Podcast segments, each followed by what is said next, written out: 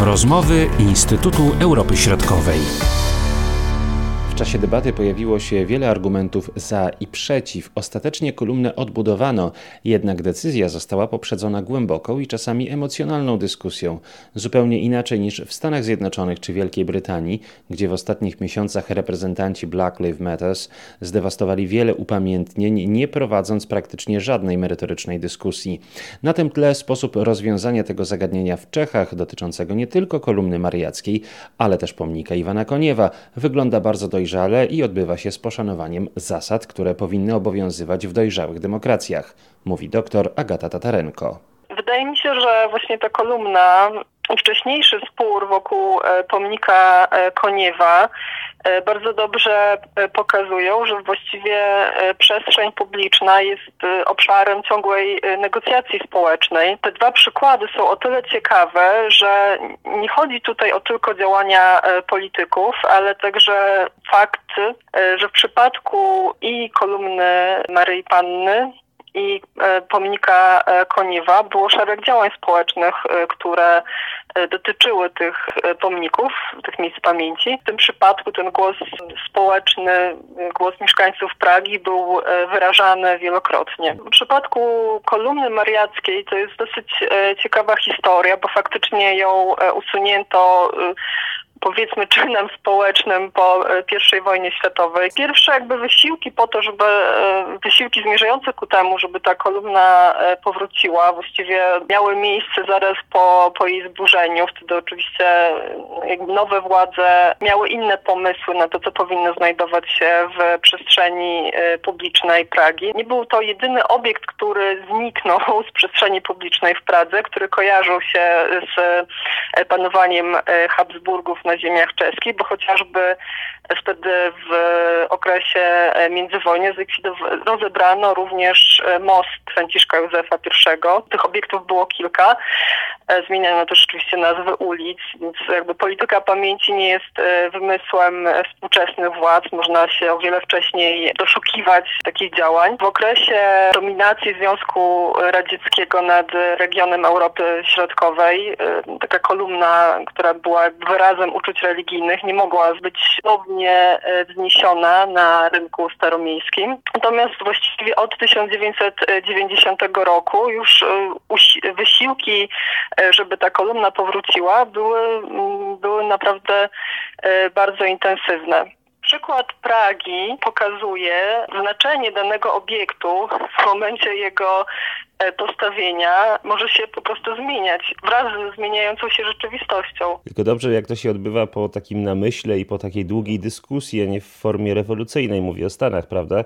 Gdzie te pomniki były dewastowane, pomnik Tadeusza Kościuszki na przykład. Natomiast wracając tutaj na ten nasz grunt y, Europy Środkowej, no to właśnie tutaj w przypadku y, chociażby tej kolumny mieliśmy tą y, debatę i ona się cały czas też toczy, prawda? I też przedstawiciele różnych kościołów się wypowiadali właśnie na ten temat. Tak, no to jest e, bardzo ciekawy e, wątek tej e, debaty wokół kolumny. Faktycznie wypowiadało się tutaj wielu hierarchów kościelnych, przedstawicieli też różnych kościołów, co wydaje mi się, że jest ważne. No i warto też podkreślić, że nie wszyscy przychylnie odnosili się do tego pomysłu. Były brane pod uwagę różne, różne opinie.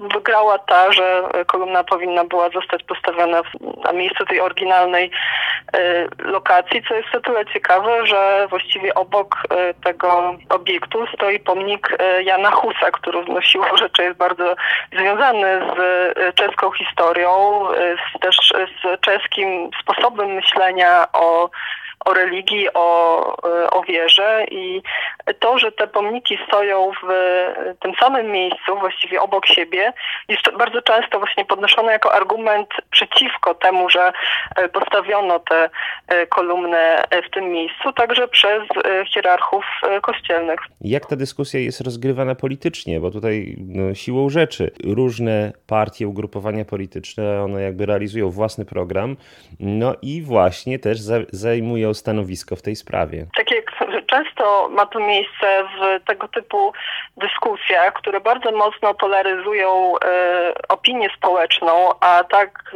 właśnie jest w tym przypadku, ponieważ dotyczy ona kwestii religii, wiary, siłą rzeczy z uwagi na to, czym jest ten obiekt i, i, kogo przedstawia. E, warto też mieć na uwadze, że zdecydowana większość e, Czechów według różnych danych, chociażby według danych ze spisu, z ostatniego spisu powszechnego, który bodajże miał miejsce w 2011 roku, deklaruje się jako osoby niewierzące, ateiści. To jest bardzo wysoki procent, bo to chyba jest e, zdecydowanie ponad 70, chyba nawet 79% osób określa siebie jako e, ateistów, więc e, różne głosy krytyczne mogły przysporzyć partiom poparcia społecznego.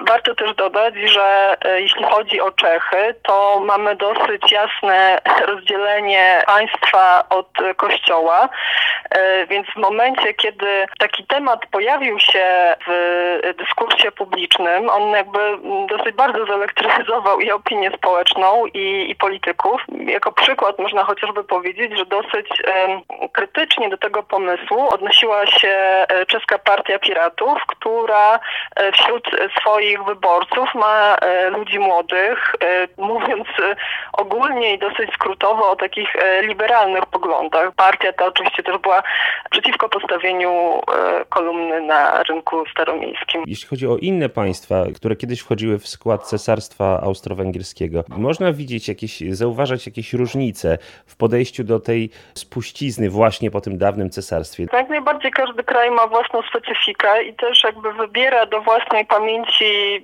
zbiorowej, czy inaczej, bardzo często związane jest to z różnymi akcjami podejmowanymi w ramach polityki pamięci, że y, pamięta się o tym, co, co jest na dany moment powiedzmy użyteczne. Jeśli chodzi o Węgry. Jeśli chodzi o spuściznę Habsburgów, to jest szereg różnych etapów i jakby inaczej odnoszą się Węgrzy do przeszłości przed 1948 rokiem, e, inaczej odnoszą się do Austro-Węgier, inaczej jakby jeszcze w tym okresie po traktacie z Trianon i wydaje mi się, że sam traktat z Trianon e, wpłynął na postrzeganie przeszłości przez Węgry no, w sposób totalny. Właściwie jeśli myślimy o Europie Środkowej, no to jest to wydarzenie, które ewidentnie przeformułowało myślenie Węgrów o, o przeszłości. I właściwie no też jest to widoczne w polityce obecnych władz, w jaki sposób ta pamięć o Trianon jest e, podtrzymywana. Nie sposób właściwie mówić o, o spuściźnie Habsburgów na Węgrzech bez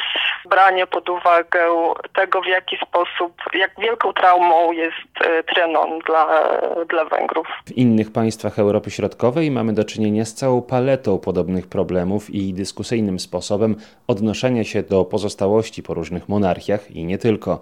Bardzo często towarzyszą temu emocje. Ważne jest jednak, żeby prowadzić dialog, poznawać argumenty stron, zgłębiać specyfikę historyczną i dzięki temu budować prawdziwy obraz rzeczywistości. Marcin Superczyński, do usłyszenia. Były to rozmowy Instytutu Europy Środkowej.